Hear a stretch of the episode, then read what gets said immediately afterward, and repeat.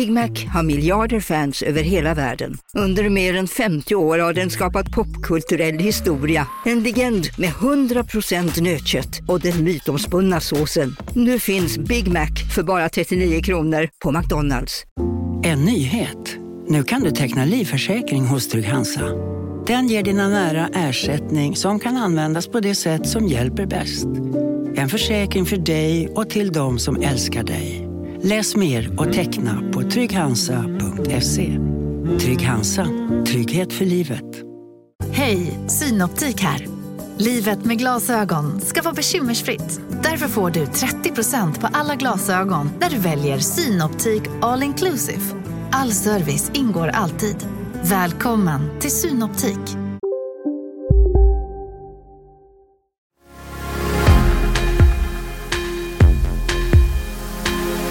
Det blir alltid bråk om allt jag gör av någon konstig anledning. Det är en eh, jäkla resa som det här partiet har gjort. Förmodligen saknar den ju motstycke eh, i, i som svensk politik. Det är vi som har rätt. Det är vi som är de normala och det är de som är konstiga. Jag tycker det är jättebra att eh, fler partier än Sverigedemokraterna inspireras av utvecklingen i Danmark. Tidöavtalet är ju naturligtvis ingen arbetsplan utan det är ju ett avtal och det ska ju hållas till, till sista bokstaven egentligen.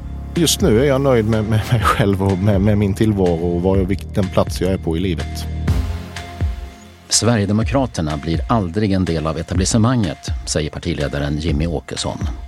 Kan han och partiet undgå att förändras när de nu sitter med vid köttgrytorna, för att använda en gammal metafor? Hur nära var det att Tidöavtalet inte hade gått i hamn? Och hur vill Sverigedemokraternas ledare förändra Sverige om hans parti går framåt för tionde eller elfte gången i rad? Jag heter Staffan Dopping. Jimmy Åkesson, välkommen till fredagsintervjun. Tack så mycket. Vilken politisk framgång för dig under nuvarande regering sätter du högst? Alltså Tidöavtalet som helhet är ju en gigantisk framgång för oss. Eh, att vi lyckas få på plats det som vi egentligen lanserade vid en presskonferens ett par år före valet. Vi sa att vi kommer behöva ett väldigt detaljerat avtal för att kunna släppa fram en regering och det fick vi. Det innehåller väldigt mycket av det vi gick till val på så att det är en stor seger. Kan du inte plocka fram någon enskildhet som du tycker har blivit eh, påfallande bra? Jag tycker att migrationspolitiken och, och, att asyllagstiftningen ska anpassas till EUs miniminivå är väl det som är, jag gissar att det är det våra väljare sätter störst värde på och det gör även jag därför att invandringspolitiken och misskötseln av invandringspolitiken i decennier har skapat mycket av de problem vi ser idag.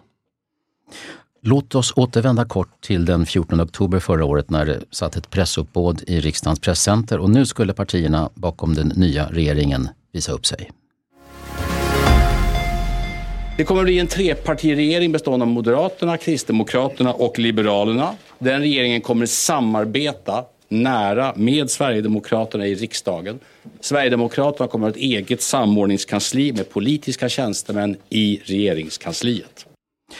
Och när du Jimmy Åkesson fick frågor om hur pass eh, långt inne ni skulle komma i beslutsfattandet, makt och sådär, så svarade du så här. Vi kommer att vara inblandade från början i de frågor där vi har avtalat att samarbeta. Det, så är det. Eh, jag betraktar det som att även om vi inte är ett regeringsparti så är vi i de frågorna med som vore vi ett regeringsparti. Och nu har ni testat att samarbeta med regeringspartierna ett halvår. Har det blivit så där som du förutspådde när ni presenterade Tidöavtalet? Ja, än så länge är det ju så. Eh, det är klart att eh, särskilt mycket leverans efter sex månader kan man kanske inte räkna med i sak, men många processer är ju igång. Vi är inne i dem. Vi har, tror jag nu, fullt bemannat samordningskansli på regeringskansliet. Så att, Som eh, vore ni ett regeringsparti? Ja, alltså vi, vi, det är klart att vi, vi, vi är ju inte chef över något departement. Det är vi ju inte. Men det är klart att i de frågorna som, som berörs av Tidöavtalet, där är vi med från början Eh, och vi är väldigt noga med framförallt de tjänstemän vi har inne i regeringskansliet att, att de bevakar det så att ingenting springer iväg eller tappas mellan stolarna eller så. Har Sverigedemokraterna lika stort bestämmande som Moderaterna? I de frågorna har vi det. Eh, så är det. det. är, det. står också väldigt tydligt i Tidöavtalet att, att det är fullt och lika inflytande som gäller i det som är stipulerat i avtalet. Socialdemokratiska företrädare de brukar benämna den här regeringen som Jimmy Åkessons regering. Ja, det, det, är det ju inte och det förstår ju alla seriösa bedömare såklart att det är ett sätt att, att eh, ja, ge uttryck för någonting annat än vad det handlar om. Eh, men vi har ett stort inflytande över regeringens politik i de frågor som vi har kommit överens om att vi ska ha stort inflytande. Har du mer att säga till om än Ebba Busch och Johan Persson? Eh, alltså vi har ju förhandlat eh, fram Tidöavtalet och sen så det är klart att när den förhandlingen var avslutad så tar ju en massa andra förhandlingar vid. Så det här kommer ju vara fyra år av förhandlingar och det är klart att vi i kraft av vår storlek då har ett stort inflytande. Sen är det ju en utmaning såklart att vi då dels inte sitter i regeringen. Det ger ju en viss dynamik när man träffas på olika nivåer, på partiledarnivå eller vad det nu kan vara, tjänstemannanivå, att det är eh, tre mot en så att säga. Eh, men, men i kraft av vår storlek så har vi ett stort inflytande över de sakerna. Men vi har ju försäkrat oss på förhand om att vi ska ha det just därför att det var före regeringen tillträdde som vi hade det stora förhandlingsutrymmet egentligen. Men har ni någon misstanke om att eh, de andra partierna, eller i alla fall ett eller två av dem, ska försöka att dra tillbaka lite av det som ni lyckades åstadkomma under Tidöförhandlingarna? Inte egentligen. Det är klart att eh, man märker ju en del uttalanden från inte minst en del liberala statsråd eh, som har gett uttryck för att man inte kanske har för avsikt att fullfölja Tidöavtalet och så. Men, men eh, jag tolkar det mer som just mediala utspel och väldigt lite som förankrat i verkligheten. När jag och Johan Persson sitter och pratar om de här sakerna så råder det ingen sån stämning, tvärtom. Eh, alla departement som berörs av Tidöavtalet är ju väl inlästa på Tidöavtalet och väl medvetna om vad det är som ska göras. Talar ni partiledare på ett annat sätt i offentligheten om varandra och varandras politik än när ni gör när ni möts öga mot öga? det kanske är så, jag vet inte. Det finns ingen medveten strategi bakom det. Men vi har ju byggt relationer nu med framförallt Moderaterna och Kristdemokraterna i ett antal år. Det är klart att vi känner varandra på egentligen alla nivåer, mer eller mindre. Men, men allmänheten, de, de, noterar ju de här sticken eller de här skarpa uttalandena eller invändningarna eller så är det inte från er. Och sen mm. så berättar du om hur pass jovialiskt och förtroendefullt det är när ni, när ni faktiskt pratar och inte några medier eller mikrofoner på plats. Ja, men det hör väl till någonstans, kanske framförallt den mediala dramaturgin. Att, att ja, men man... Om ni säger olika saker i olika rum, då är det väl inte medierna som ska lastas för det? Nej, men det gör, jag menar att vi gör inte det Däremot så kan det, ju det som har uppmärksammats har ju gällt enskilda företrädare, antingen från vårt parti eller från något av regeringspartierna som säger någonting som sen då kanske förstoras upp på ett sätt som man inte hade avsett eller tänkt från början. Och det är klart att då kan det ju tolkas som att nu hotar SD med regeringskris, men det har ju inte funnits någon sån plan, utan det har ju snarare varit då ett uttalande från någon som kanske i sammanhanget har sett som ganska harmlöst och ganska odramatiskt, men som blir dramatiskt när det sen förstoras upp. Vi som såg den där pressträffen den 14 oktober, det var en fredag minns jag och det verkade uppenbart att ni hade kommit överens om att partierna skulle följa strikt storleksordning efter vilket röstetal ni hade fått i riksdagsvalet. Du gick in först, sen blivande statsministern Kristersson, därefter Ebba Busch och sist Johan Persson. Och så på trycksaken då, som det kallar Tidöavtalet, det fanns alla partiernas symboler längst ner med SD blåsippan före Moderaternas M-logga. Hur gick det till när det blev så där? Det är kul ändå att du noterar det för att det var vad jag har fått berättat för mig en väldig kamp bakom det där. Eh, men, men eh, ja, med, med, med eh, vad ska man säga? Det är klart att, att det kan tyckas småaktigt kanske, men samtidigt så är det ju viktigt att signalera just i det sammanhanget innan regeringen faktiskt hade tillträtt att vi är det största partiet och det var viktigt för de som förhandlade åt oss att det skulle framgå också av de här handlingarna. Eh, det var ett krav från er sida alltså? Jag var inte inblandad i de, just de förhandlingarna så jag kan inte säga om det var ett krav. Men, men, men, jag vet att det fanns enskilda som stred ganska hårt för att det skulle bli rätt och riktigt. Men var du neutral i den frågan? Du tillfrågas väl om alla strategiska Nej, jag, val? faktiskt inte. Jag tillfrågas faktiskt inte om allt. Eh, alla strategiska val tänkte jag. Ja, men just det är ett så, så, strategiskt val vet jag inte. Men jag noterade precis som du när jag fick de här handlingarna i min hand att det var så. Och då fick jag reda på att det hade föregåtts av en ganska tuffa förhandlingar. Mm. För, vilka förhandlingar var det om att du skulle först gå in i presscentret följd av, av blivande statsminister? Ja, det är lite samma sak där. Det fick jag klart för mig strax före att det var så. Eh, men, men, det var nog också en del av samma förhandling. Och i, hur lät eh, det gurglades alltså från de andra partierna, KD och L kan jag tänka mig. Jag, jag, kan faktiskt inte svara på det för att det, det, är inte jag som har gjort, skött de förhandlingarna. Men, men eh, där och då så gurglades det inte utan där och då var det bara ett konstaterande att så blir det. Tidavtalet är nu verklighet sedan något halvår. Det verkar gnissla en del eh, och det har kommit mer än en, du var inne på det, mer än en varning om en tänkbar regeringskris från, från, från ditt parti. Hur, hur, hur är det med gnisslandet? Nej, men det hör väl till. Vi är fyra partier som ska komma överens och, och det är klart att eh, alla partier har sina intressen att bevaka. Man har sina olika väljargrupper att förhålla sig till och att kommunicera till och så. så att det, att det blir det spel lite... för gallerierna till stor del alltså? Ja, men att det blir lite gnissel i medierna tror jag inte är så konstigt. Utan det intressanta är ju hur fungerar det i praktiken när vi sitter ner och pratar med varandra och där är det inget gnissel. Eh, sen är det klart att, att man bevakar sina intressen. Det, det hör ju till.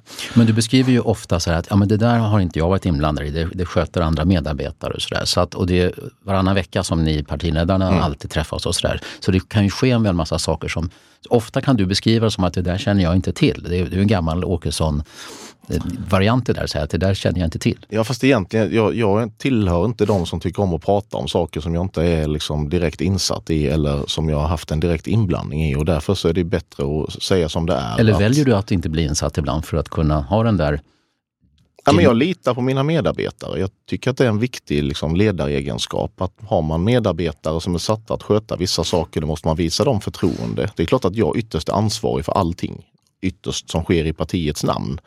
Men när du frågar mig om detaljerade förhandlingar om vilken symbol som ska stå först på ett papper så kan jag ärligt säga att jag inte varit inblandad i den eh, förhandlingen och kan inte svara på hur det gick till, till exempel.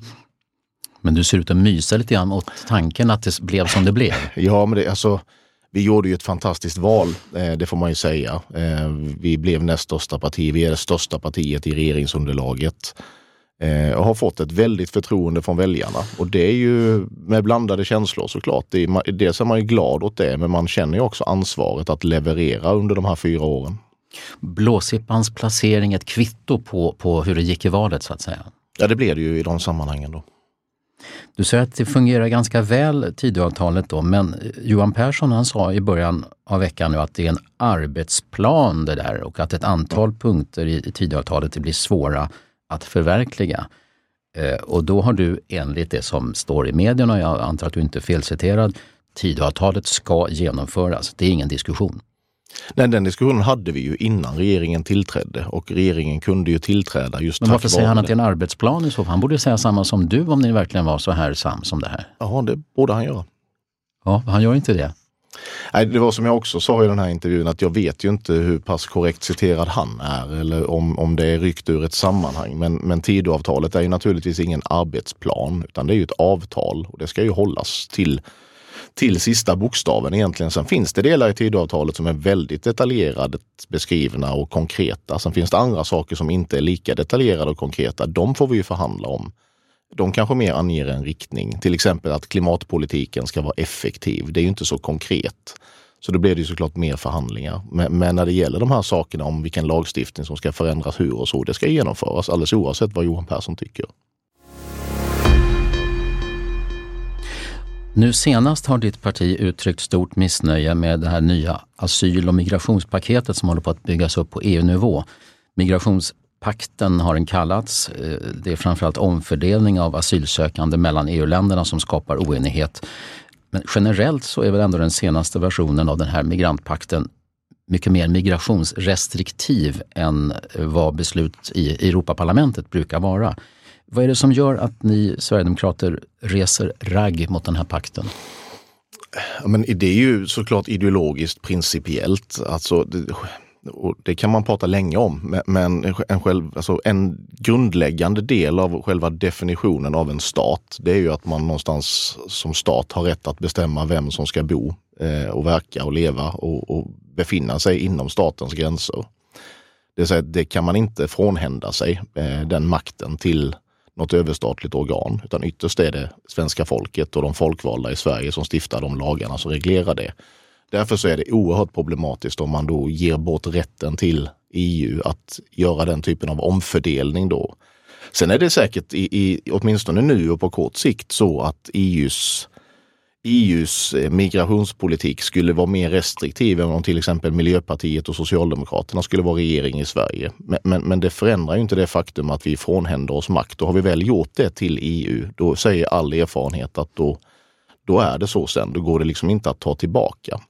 Sen finns det, man ska säga det, att de delar jag hittills har varit inblandade i att diskutera i den här migrationspakten, det gäller ju inte omfördelningsmekanismer och så, utan det gäller ju andra saker som jag tycker är självklara att vi ska arbeta gemensamt kring. Yttre gränskontroller, hur hanterar vi illegal migration i Medelhavet, eh, återvandringsprojekt och sånt som man kan göra gemensamt och som inte inkräktar på den här liksom viktiga grundläggande principen. Så yttre gräns och liknande frågor, där vill du att EU ska vara starkt och bestämmande och att det fattas beslut som sen gäller? Ja, det tycker jag absolut. Där kan vi göra mycket mer och där är vi också beredda att, eh, att lägga resurser på det gemensamma gränsskyddet till exempel. Det är många som tycker att det är konstigt att SD och M är överens om migrationspolitiken på svensk mark men i EU så är Moderaternas Thomas Tobé och ditt partis Charlie Weimers som hund och katt i den här frågan. Mm. Jo, jag tycker också det är konstigt.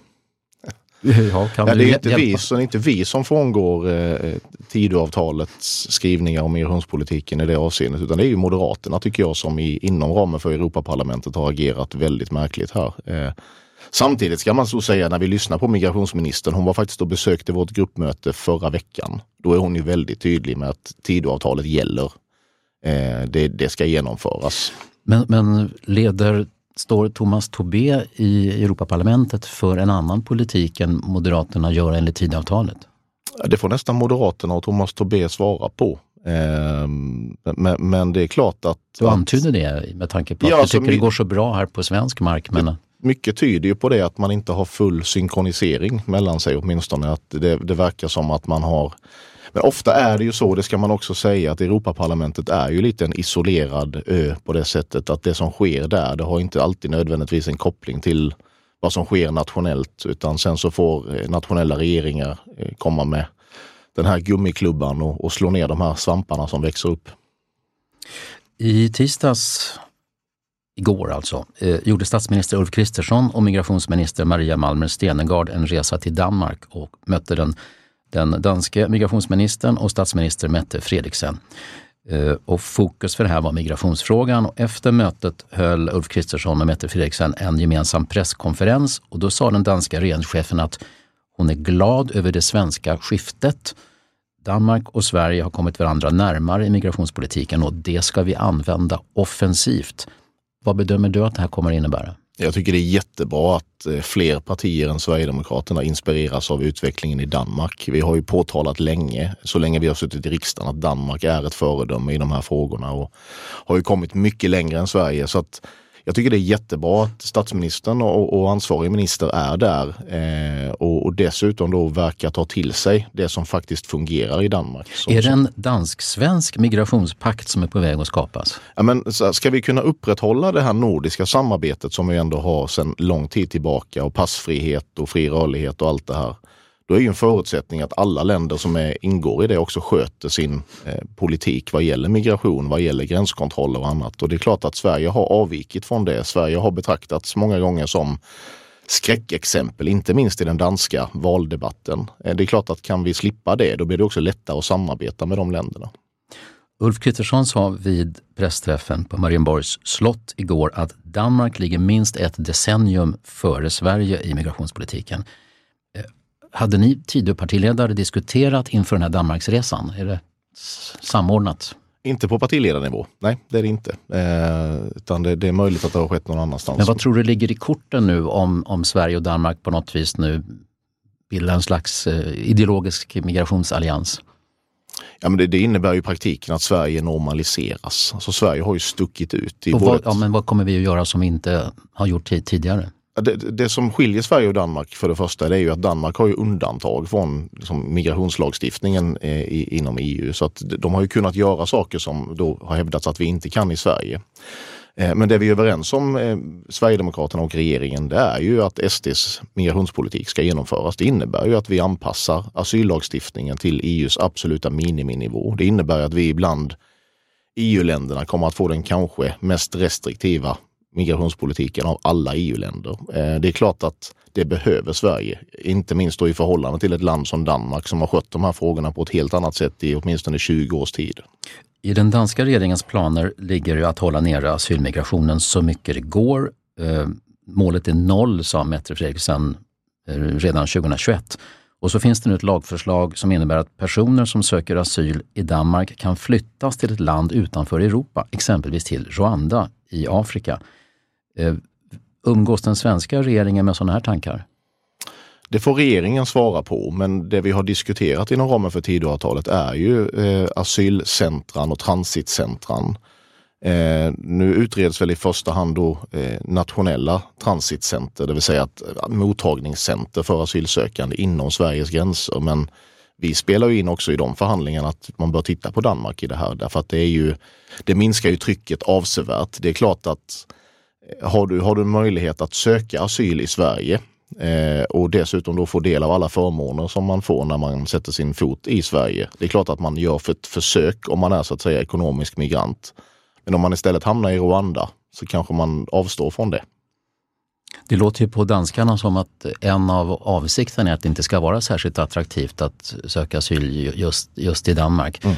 Men du säger, det får du fråga regeringen om, men ni är ju som ett fjärde regeringsparti så jag frågar vad driver ni eh, som, som ett Tidöparti i den här frågan? Vi driver på för just den typen av lösningar och det har vi gjort ganska länge. Sen har vi inte fått gehör för det fullt ut än men det är klart att nu har ju både statsministern och migrationsministern då kanske inspirerats ytterligare av Danmark och kanske blivit övertygade den vägen och då, då blir jag väldigt glad. Vet du mer än du säger nu om det här? Jag, tycker, jag tycker du är lite återhållsam. Ja, men jag är lite återhållsam för att jag tycker att jag ska inte säga mer än, än, än vad som är sant. Eh, jag har inte varit inblandad i några diskussioner eh, på partiledarnivå om den typen av lösningar. Det, det är sant. Eh, men det är någonting som Sverigedemokraterna har drivit under väldigt lång tid. Och det är klart att kan vi få med oss regeringen på det så är det väldigt bra. Så skulle det vara bättre för Sverige om det blev transitcenter som inte var på svensk mark utan, och inte ens i Europa. Alltså. Mm, absolut, alltså det är ju, och det är också en sån sak som jag tycker man borde kunna diskutera generellt inom EU, att man kan lösa det på det sättet istället för att öppna upp gränsen för då, eh, både legala och illegala eh, asylmigranter. Att det är bättre att man då söker asyl i tredje land och sen så om man då har asylskäl, då får man komma hit. Men jag har uppfattat, även om det inte är glasklart, den här danska idén som att om man anses ha skyddsbehov och får asyl så är det inte säkert att man får komma till Danmark utan man kanske får skyddet någon annanstans. Ja, och det är ju en bra utgångspunkt tycker jag. För därför att flyktingpolitik handlar ju om just det. Och det är det vi har missat i Sverige i decennier. Att flyktingpolitik innebär ju inte invandring till Sverige eller till Danmark för den delen. Utan flyktinghjälp är ju att hjälpa människor som flyr undan då krig eller konflikter, katastrofer, förföljelse på olika sätt. Och då spelar det inte dem någon roll hur de blir hjälpta eller var, utan det är ju att de får hamna i trygghet och säkerhet som är det avgörande. Men budskapet som de tar emot måste vara ungefär så här att, att även om vi skulle komma fram till att ni har asylskäl så vill vi inte ha er i vårt land. Ja, Sverige har inte plats till fler asylinvandrare. Det tycker jag är helt uppenbart givet utvecklingen, utan tvärtom. Vi behöver ju snarare få människor att återvända. Människor som inte har etablerat sig i Sverige, människor som inte har blivit en del av det svenska samhället som, som lever på bidrag i, i år efter år efter år. Att, att de istället återvänder. Det är det vi behöver. Vi behöver ett nettominus på det sättet. Det låter som att du gärna skulle se att sån här asyl transitcenter i Rwanda eller Etiopien eller, eller Tunisien. Men kan det vara så att det finns minst ett parti i, i Tidölaget, om man får säga så, som absolut, eh, absolut inte, att det är över det partiets döda kropp så att säga? Jag vet faktiskt inte eh, om det är så. Eh, ja, min upplevelse är att alla Tidöpartier har varit väldigt öppna för att diskutera egentligen alla tänkbara lösningar. Det vill säga att det har inte funnits några uppenbara låsningar i förhandlingarna. Det som har lagts på bordet har också diskuterats seriöst. Så det är klart att jag tycker vi har fått väldigt mycket. Det är i princip vår migrationspolitik som nu ligger i Tidöavtalet. Men det är klart att det finns ytterligare saker att göra. Till exempel då en sån här sak. Finns det, finns det inte en passus i Tidöavtalet som skulle kunna innebära just en sån här Rwanda-center? Eller är det, den, den precisionen finns inte riktigt? Eh, nu ber du mig eh, tänka tillbaka på alla sådana här olika papper som har cirkulerat innan Tidöavtalet. Det är 63 sidor bara. Det är bara 63 sidor. Ja. Så, men det, det, är mycket möjligt att man skulle kunna hitta en öppning för det. Just begreppet transitcenter finns väl med i Tidöavtalet, mm. tänker jag. Mm. Men att det ska bli en sån här afrikansk lösning, det är uppenbarligen inte något något krav från Sverigedemokraterna. Det är någonting som finns på önskelistan men det, det har ni inte lyckats få igenom helt enkelt. Ja, som det jag bedömer det just nu så är det inte, inte det som är regeringens politik. Alla ni fyra eh, Tidöpartiledare talade förstås på pressträffen när ni lanserade det här och eh, en sak som jag noterade som du sa där var asylrätten ska försvaras. Eller var det bevaras? Jag tror det sa försvaras. Eh, ja. Var det ditt partis bestämda åsikt? Som det där? Ja men asylrätten är ju den är inte helt okomplicerad för den har ju tillkommen i en helt annan tid. Idag har vi 100 miljoner flyktingar plus dessutom i världen. När man skrev asylrätten så som den är utformad idag så var det ju en helt annan tid med ett helt annat asyltryck. Eh, det är klart att den behöver reformeras på olika sätt men eh, det vi menar med det här är ju att den politik som stipuleras i Tidöavtalet, den bryter inte mot asylrätten utan den, den följer EU-rätten strikt. Även om det är på en miniminivå så är det ändå den EU-rätt som, som gäller och därför så försvaras det som var väldigt viktigt för till exempel Liberalerna. Eh, att, att asylrätten då ska, ska bibehållas och försvaras. Det, det, det, lever vi upp till trots att vi har då en väldigt restriktiv Men att politik. just du sa det här, var det för att det var ett krav från de andra partierna att det här ska uttalas även från, från det parti som man kanske misstänker inte brinner så mycket för asylrätten?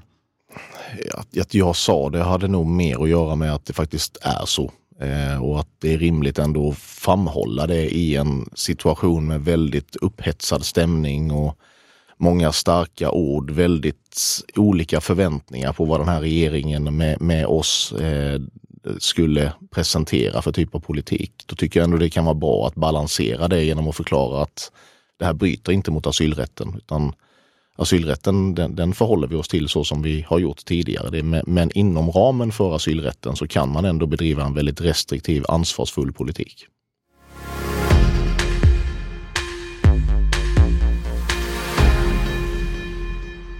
Jimmy Åkesson, ditt parti har gått framåt varenda val som det har ställt upp i här och jag har siffror från 88 och framåt. Var det 0,02 procent som röstade på SD 0,1 i 1991, 0,25, 0,37, 1,44, 2,93. 2010 fick ni 5,7 och kom in i riksdagen.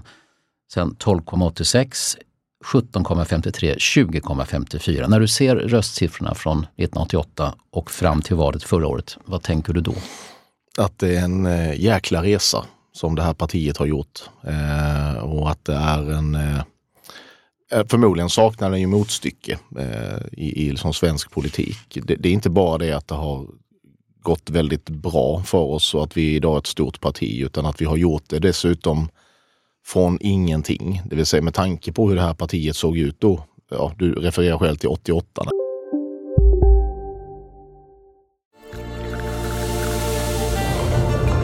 Välkommen till Maccafé på utvalda McDonalds restauranger med Baristakaffe till rimligt pris. Vad sägs om en latte eller cappuccino för bara 35 kronor? Alltid gjorda av våra utbildade baristor. Hej Sverige! Apoteket finns här för dig och alla du tycker om. Nu hittar du extra bra pris på massor av produkter hos oss. Allt för att du ska må bra. Välkommen till oss på Apoteket. Okej hörni, gänget! Vad är vårt motto? Allt är inte som du tror. Nej, allt är inte alltid som du tror. Nu täcker vårt nät 99,3 procent av Sveriges befolkning baserat på röstteckning och folkbokföringsadress. Ta reda på mer på 3.se eller i din 3-butik. Partiet bildades och ställde upp i sitt första val. Det är ju på många sätt ett annat parti idag naturligtvis. Men, men det är klart att väldigt mycket har hänt under de här, vad blir det, 35 åren. När du hade varit partiledare i tre år bara, 2008 när SD fyllde 20 år skrev du ett kapitel i en antologi om partiets första två decennier och då citerade du boxaren Rocky Balboa. Det minns du kanske? Ja, då, jag har gjort det många gånger faktiskt. Men det Ja. kan, kan ha varit första gången eventuellt. Ja, ja, ja. Jag har texten här. Kan du tänka dig att läsa upp det som du, som du skrev om det här? Jag har markerat där. Jag tror att jag kan det utan till faktiskt. Asså? Eh, Det handlar inte om hur hårt du slår. Det handlar om hur hårt du kan bli slagen och fortsätta dig röra dig, röra dig framåt. Hur mycket du kan ta och fortsätta röra dig framåt. Det är så du vinner. Och sen, och sen det, finns, det fortsätter Finns det bra. ännu mer? Jaha, just det. Man hånar oss, bespottar oss, slår oss, kastar sten på oss, avskedar oss från våra jobb och kastar ut oss från våra fackföreningar. Ändå står vi där hela tiden lite större, lite starkare. Mod, civilkurage, heder, solidaritet, stolthet, sammanhållning och inte minst en fast övertygelse om att vi har rätt. Att det är vi som är den goda sidan. Det är väldigt bra skrivet måste jag säga. Kan du berätta om vad du menar när du använder Rockys ord om att bli slagen hårt? Jag tror att det är väl allmänt erkänt idag, kanske inte av våra liksom värsta politiska motståndare, men väldigt många har nog ändå erkänt att Sverigedemokraterna har eh, emellanåt behandlats ganska illa av det så kallade etablissemanget, av politiska motståndare. Det har funnits ett organiserat våld mot Sverigedemokrater från den autonoma vänstern eh, och det har inte alltid fördömts på ett sätt som kanske skulle vara rimligt. Tvärtom så hade vi en statsminister för inte så länge sedan som menade att man får skylla sig själv om om man har så hemska åsikter som vi har och så. Ehm, Men, men, men vi har ju ändå så att säga, vi har fått slag på slag på slag eh, från alla möjliga håll. Eh, men, men ändå fortsatt växa. Och det är för att vi inte har gett upp helt Så enkelt. det var inte du personligen och din egen förmåga att ta emot slag som du i första hand tänkte på då? Nej, alltså det är nog partiet som liksom organism i den meningen som har fått, eh, men det är klart att det är väldigt många individer som har farit väldigt illa. Jag har väl, tillhör väl de liksom ledande sverigedemokrater som har varit med länge som kanske har klarat mig mest lindrigt, eh, peppa peppa, eh, i, de här sammanhangen. Häromdagen sa du till TT Nyhetsbyrån att ni vill sitta i regeringen senast efter nästa val. Mm. Senast? Ja, jag tycker ändå att det är en rimlig eh, utgångspunkt. Finns det en hemlig plan att, att ni ska in i regeringen under denna mandatperiod? Just nu så är vi tillfreds med Tidöavtalet och, och så, men det är klart att mycket kan hända under en mandatperiod så att jag utesluter ingenting. Men, men det, med det vill jag väl egentligen ha sagt att det är när vi går till val nästa gång och, och det är klart att, att, att eh, då är vi antingen ett regeringsparti efter valet eller så är vi ett oppositionsparti. Och, och Tidöavtalet är liksom en, en, en förvisso viktig, ett viktigt steg men ändå en parentes. Det är en, det är en kortsiktig lösning. Så att ni ställer upp på den här regeringen utan att sitta med den, det är så ett, undantag, ett historiskt undantag som aldrig kommer att upprepas efter den här mandatperioden. Ja, som jag ser det så är det ju orimligt. Jag menar, det, det, alla argument från regeringspartierna är väl någonstans uttömda ändå kan jag tycka. Om vi nu låter säga att vi är regeringens stödparti i fyra år och det har ju har ju fått höra ganska många olika argument för att man inte ska samarbeta med oss och för att vi inte ska sitta i regering genom åren. Alltifrån politiska argument till nu det senaste då att vi är oerfarna och inte behärskar det, det, det politiska hantverket och så. Men det är svårt att säga det efter fyra år i den här positionen. Så att då känner jag att då är de argumenten uttömda och då finns det inga argument kvar. Och samtidigt så sa du att Sverigedemokraterna aldrig blir en del av etablissemanget. På vilken grund kan du utlova det? Ja, men det är klart att det är en fråga om hur man definierar etablissemanget. Men, men om man definierar etablissemanget som en liksom vänsterliberal eh, en, ett vänsterliberalt klägg, för att använda en, en, en tidigare partiledares uttryck, eh, så, blev vi aldrig en del av det och har inte för avsikt att bli det. Däremot så har vi för avsikt att eftersträva makt. Eh, eftersträva att kanske dominera ett, annan, ett annat etablissemang. Att, att det är vår sätt, vårt sätt att se på världen och på samhället som ska bli det dominerande långsiktigt. Är det så att ni vill vara i ett slags utanförskap? Nej.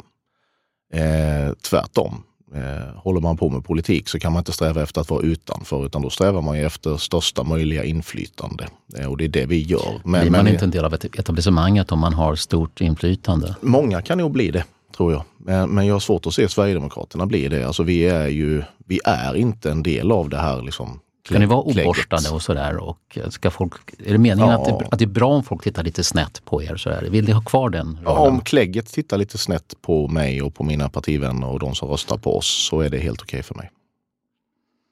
När när jag ser SD-företrädare i frågestunder och interpellationsdebatter i riksdagen, det känns ju jättemycket därifrån.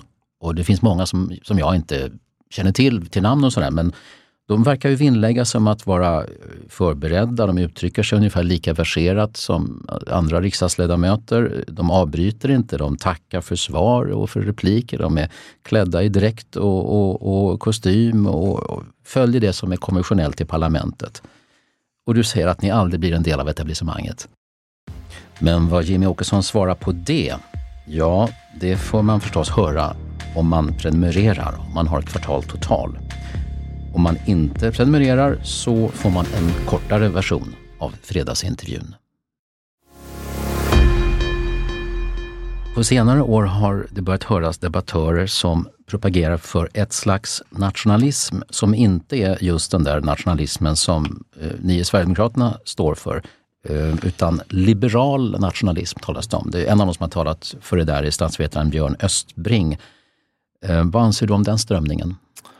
Jag läste, visst är det han som har skrivit den här boken som jag sen gav till Annie Lööf när hon slutade dessutom. Ehm, Just det, det blev bråk om det också. Det blev bråk, det blir alltid bråk om allt jag gör av någon konstig anledning. Men, men, eh, nej, men jag tycker det är intressant. Många, ska man ärligt säga tror jag att många som, som kallar sig för liberala nationalister, de gör ju det därför att de är på väg att fatta någonting. Men de vågar inte riktigt erkänna det. Då blir det lättare att hitta liksom, de här nya. Så.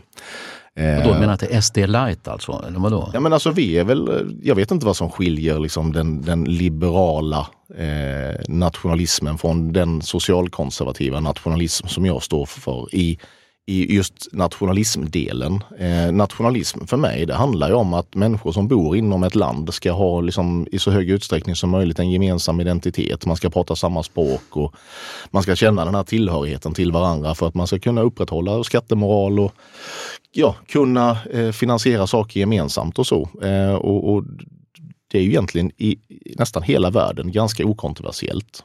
Ehm, så, så jag vet inte vad det är exakt som skiljer. Men, men det, det, det, jag tycker är bra med till exempel då de här, eh, vad man nu ska kalla det för, teorierna eller strömningarna, det är ju att det faktiskt finns sätt att eh, hitta gemensamma nämnare med även då till exempel vissa liberalpartister åtminstone som har anammat det där. Jag har träffat flera sådana som tycker att det är bra. Det kan ju istället för att kasta smuts på varandra och säga fula saker så kan man diskutera på någon slags intellektuell nivå.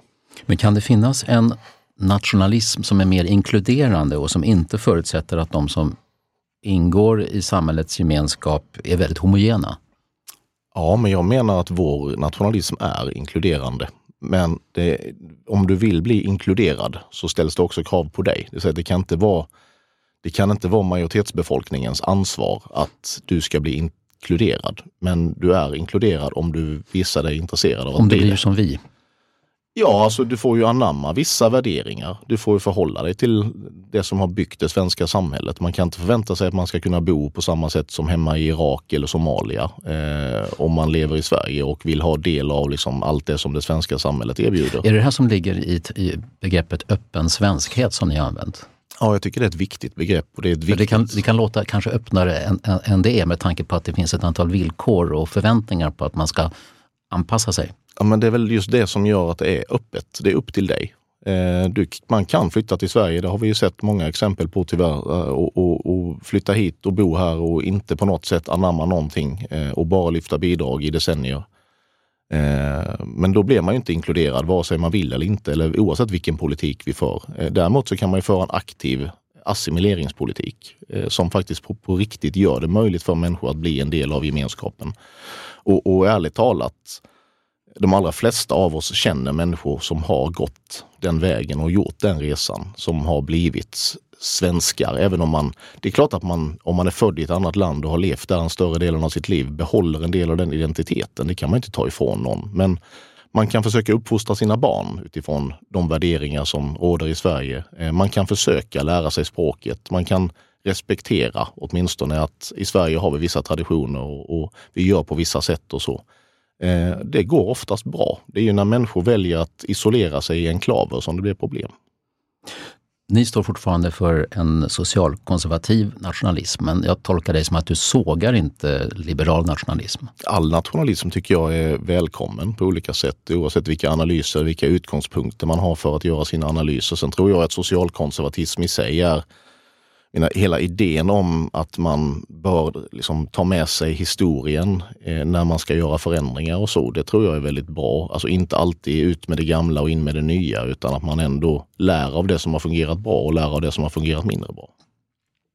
Häromdagen var det folkutbytesdebatt eh, efter att eh, företrädare för ditt parti hade ställt sig bakom uttalanden om att det pågår ett folkutbyte i Sverige. Vad är din ståndpunkt där? För det första vet jag inte vilken företrädare som har ställt sig bakom eh, det uttalandet.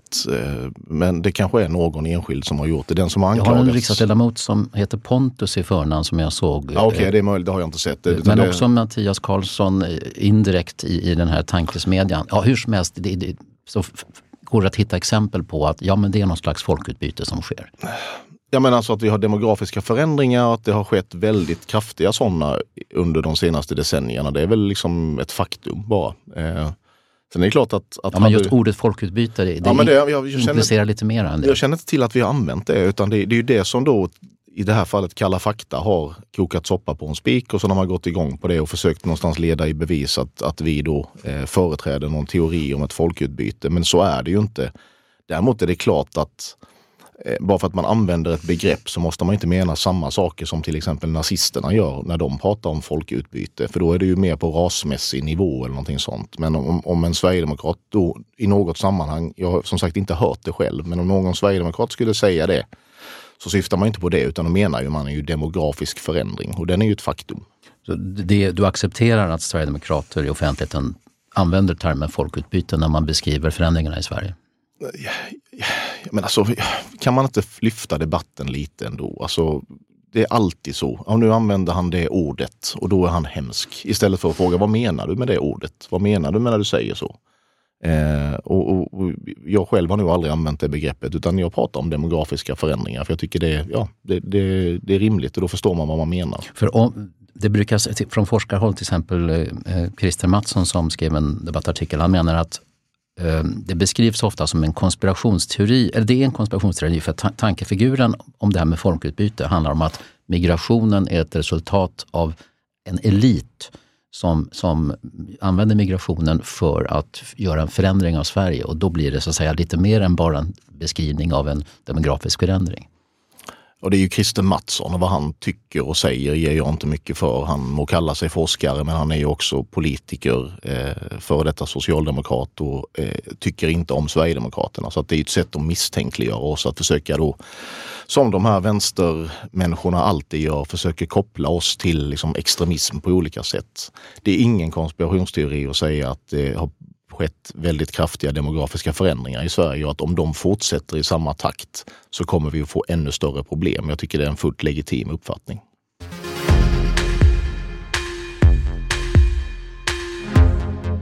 Jimmy Åkesson, du är en av Sveriges mest kända politiker.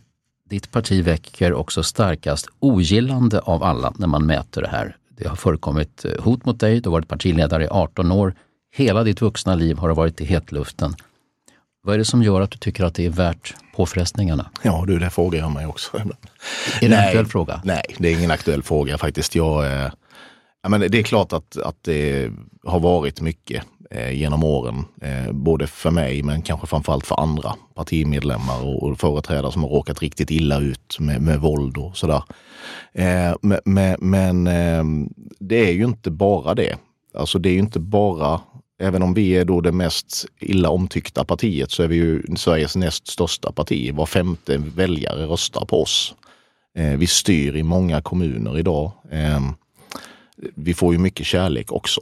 Eh, och, jag tycker att vi har också fått, givet hur debatten låter idag om både invandring och, kriminalpolitik, så måste jag ändå säga att vi har fått någon form av erkännande ändå. Att det, nu förs debatten på vår nivå på ett helt annat sätt än tidigare och det är klart att det är det vi har kämpat för. Det är därför vi har gjort det här. Hade det gått åt andra hållet, hade det aldrig hänt någonting, utan hade, man liksom, hade allt bara blivit sämre hela tiden, då kanske man hade haft lite svårt att motivera sig. Men jag känner ändå att det har gått åt rätt håll hela tiden. Är du glad för att du kan ta emot så många slag och ändå gå framåt?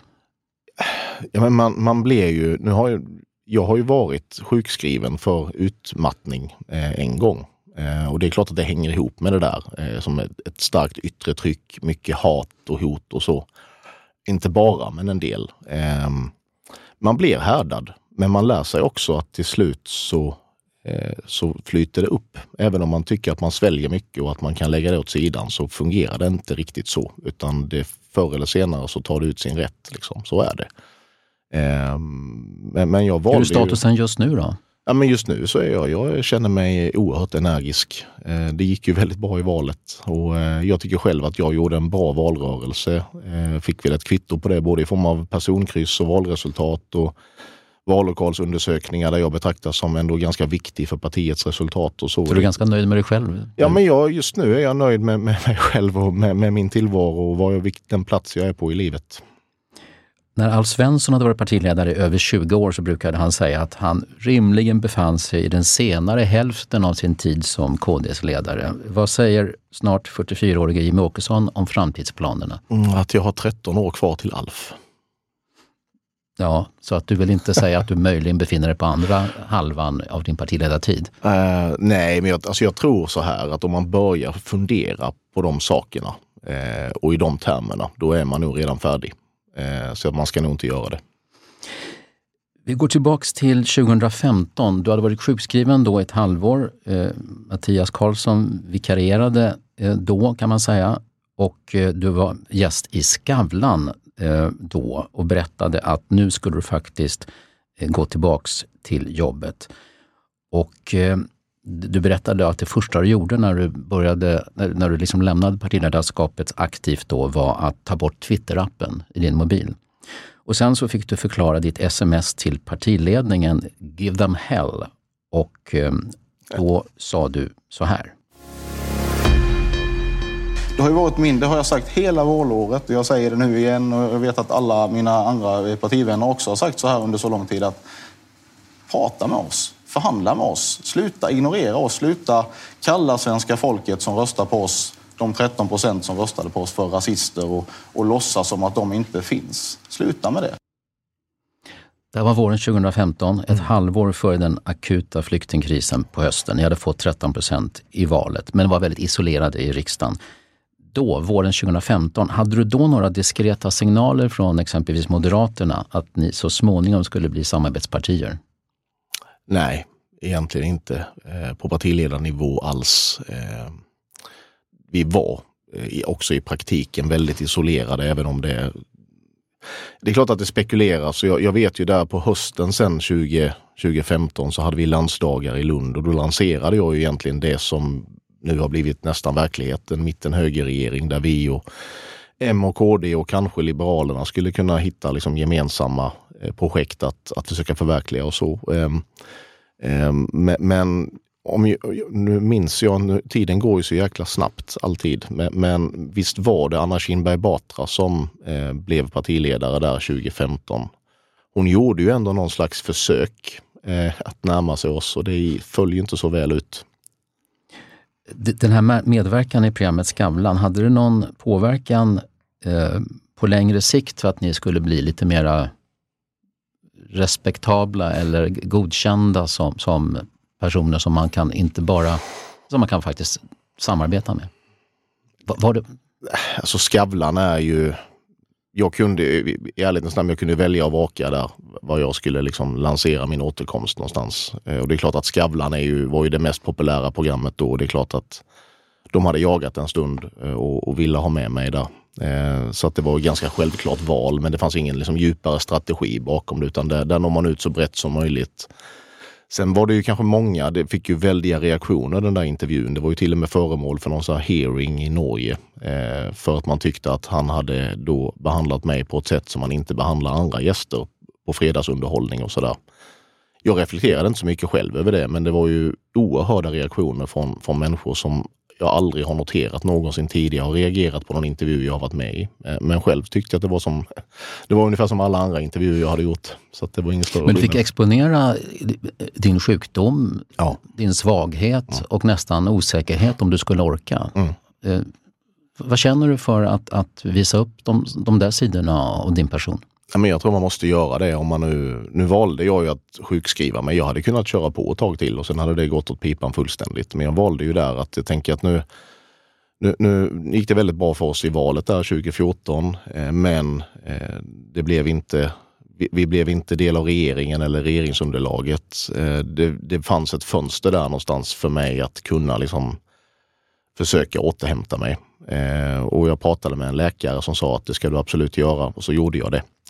Eh, men jag hade ju inte kunnat komma tillbaka och sen försöka låtsas som att det inte hade hänt. Utan tvärtom, jag måste nog vara väldigt öppen med det. Jag måste nog vara och jag tror att det är bra också. Jag har fått oerhört många reaktioner från människor, kollegor till dig, eh, andra politiska liksom, motståndare, människor som har varit i samma situation som också knaprar liksom, eh, ja, piller på olika sätt för att må bra. Så, eh, Eh, det är väldigt vanligt och framförallt är det väldigt vanligt bland män, men som man pratar inte om det. Eh, och det, där tror jag att jag kan göra en insats. Så att eh, för mig är det självklart och eh, liksom, jag vill inte bli definierad av det såklart. Eh, men, men har man en utmattning i botten så har man det. Och kan man prata om det så tror jag att man kan vara till hjälp också för andra. Du befinner ofta i försvarsställning i intervju och debattsammanhang och i den här Skavlan-intervjun fick du hårda frågor om SD-företrädare som hade kallat invandrare och asylsökande för parasiter och gräshoppor med mera. Eh, och då svarar du en sak som eh, jag fastnade för när jag lyssnade noga. Och jag har sagt vid åtskilliga tillfällen exakt samma saker. Att, att står man inte bakom vår socialkonservativa utgångspunkt, mm Eh, ställer man inte upp på självklara värderingar kring alla människors lika värdighet och liknande, då, då, då ska man inte vara med i vårt parti. Och svårare än så är det inte. Jag kan säga det här nu igen till alla som eventuellt tillhör mitt parti och som tycker så, att eh, då kan ni vara med i ett annat parti. Svårare än så är det inte. Ja, vad lägger du i den där frasen som du använder där? Du menar med värdighet istället för det som man brukar använda Ja, det var ingen slump kanske att du sa värdighet och inte värde. Det var nog ingen slump därför att det där är ju den korrekta översättningen av så att säga den internationella eh, skrivningarna kring det där. Eh, men, men om det egentligen ger uttryck för någon speciell värdering vet jag inte. Eller om det får några politiska konsekvenser, det vet jag inte heller. Jag tror inte att det är så. utan Min bild är att all, alla människor har ett människovärde. Eh, och det spelar ingen roll var man är född eller var man är liksom uppväxt eller var man, om man är fattig eller rik eller vad det nu kan vara för någonting. Eh, däremot betyder inte det att alla människor har rätt att bo i Sverige. Och det är den distinktionen jag har försökt att, att liksom, eh, föra fram i alla år jag har varit politiskt aktiv. Stora delar av oppositionen har ju i åratal hävdat att ditt parti ställer inte upp på det där eh, och det är därför som man inte kan samarbeta mer för att det är en, en sån grundläggande sten mm. i, i ett ska säga, anständigt demokratiskt samhällsbygge. Eh, så vad, vad, säger du till de som säger så att det, det där är någonting som ni faktiskt inte medverkar till? Men det är ju inte sant. Alltså, eh, att, att, som jag sa, att alla människor har samma människovärde är ju inte samma sak som att man har rätt att bo i Sverige. Men det är det de bygger hela den bilden på. Det vill säga att om man då erkänner att alla människor har det här samma värde, Eh, då har också alla samma rätt att bo i Sverige. Och det är det som är den politiska konflikten. För jag tror att era kritiker menar så här att en typisk sverigedemokrat anser att, det, att människor från olika kulturer och etniciteter har olika värde. Att det, inte, att det inte är samma rakt över hela. Det är möjligt att det finns de som tror att det är så, men så är det ju inte. Så för det första tror jag inte det finns idag någon typisk sverigedemokrat. Utan vi har ju var femte väljare bakom oss och de är inte likadana allihop. Utan de är en väldigt brokig skara, skulle jag vilja hävda. Eh, men, men, men, att man... Ja, men, ja okej. Okay. Eh, alla kulturer däremot är inte lika bra. Det skriver jag under på. Eh, att man eh, värderar män och kvinnor olika till exempel och att man eh, har rätt att eh, stena kvinnor för att de eh, blir våldtagna eller vad det nu kan vara. Det är ju liksom kulturyttringar som är mindre värda än den jämställdhet som råder i Sverige till exempel. Så den här kulturrelativismen ställer jag inte upp på. Men det betyder ju inte att individer har ett annat värde som människor. Eh, och det betyder heller inte att alla har rätt att bo i Sverige. Till sist, hur ser drömsverige ut om du faktiskt får visionera ganska fritt och säga att vi är tio år framåt? Ja, det kommer inte uppnås någon vision på tio år tyvärr, hur mycket man än vill. Hur många år vill du Eh, ha på dig? Nej, men alltså, det är väl bättre att ta 50-årsperspektivet, tycker jag i så fall. Okej, att, eh, beskriv det då. Nej, men jag, är- jag är ju väldigt stark. Jag brukar kallas för, för Per Albin-sosse ibland. Alltså, jag tror ju väldigt starkt på det goda hemmet för alla medborgare och att det att vi bygger samhället tillsammans. Eh, att det finns en gemensam idé kring det, att det finns en acceptans kring att vi betalar förhållandevis höga skatter men vi får också väldigt bra service och välfärd för de skatterna. Eh, och att vi känner oss trygga. Eh, att man ska kunna gå ut på kvällen utan att känna sig otrygg. Och, eh, tyvärr så är det sällan Eh, som man i dagspolitiken får möjlighet att prata så mycket om det här eller ens tänka visionärt därför att Sverige har så stora problem så man hamnar ju lätt i just problembeskrivning och problemlösning. Eh, och ska vi nå den här viktiga visionen som jag ändå hoppas på, då måste vi först städa upp efter åtta år med Socialdemokrater och åtta år med Fredrik Reinfeldt dessförinnan. Eh, och det kommer att ta väldigt lång tid. Men förhoppningsvis så kanske vi kan om ett par decennier eller så börja se, eh, se att skutan har vänt på riktigt. Jag nämnde valresultaten som har gått uppåt eh, under alla de här valen och drygt 20 senaste. Vilket valresultat siktar ni på, alltså i siffror 2026? Ja, jag sätter aldrig siffermål faktiskt. Jag tycker inte att det tjänar någonting till utan det intressanta är vad man kan göra med de röster man faktiskt får.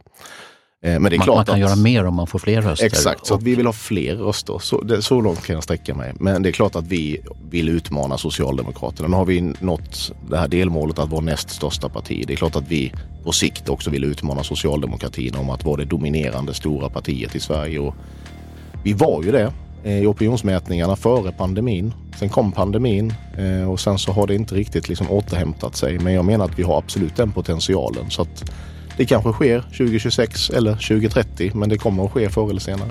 Finns det någon kronprins i Sverigedemokraterna? Det finns nog både kronprinsar och kronprinsessor i Sverigedemokraterna. Hela listan tack. ja, du ska få den när det blir aktuellt. Jimmy Åkesson, tack för att du var med i fredagsintervjun. Tack så mycket.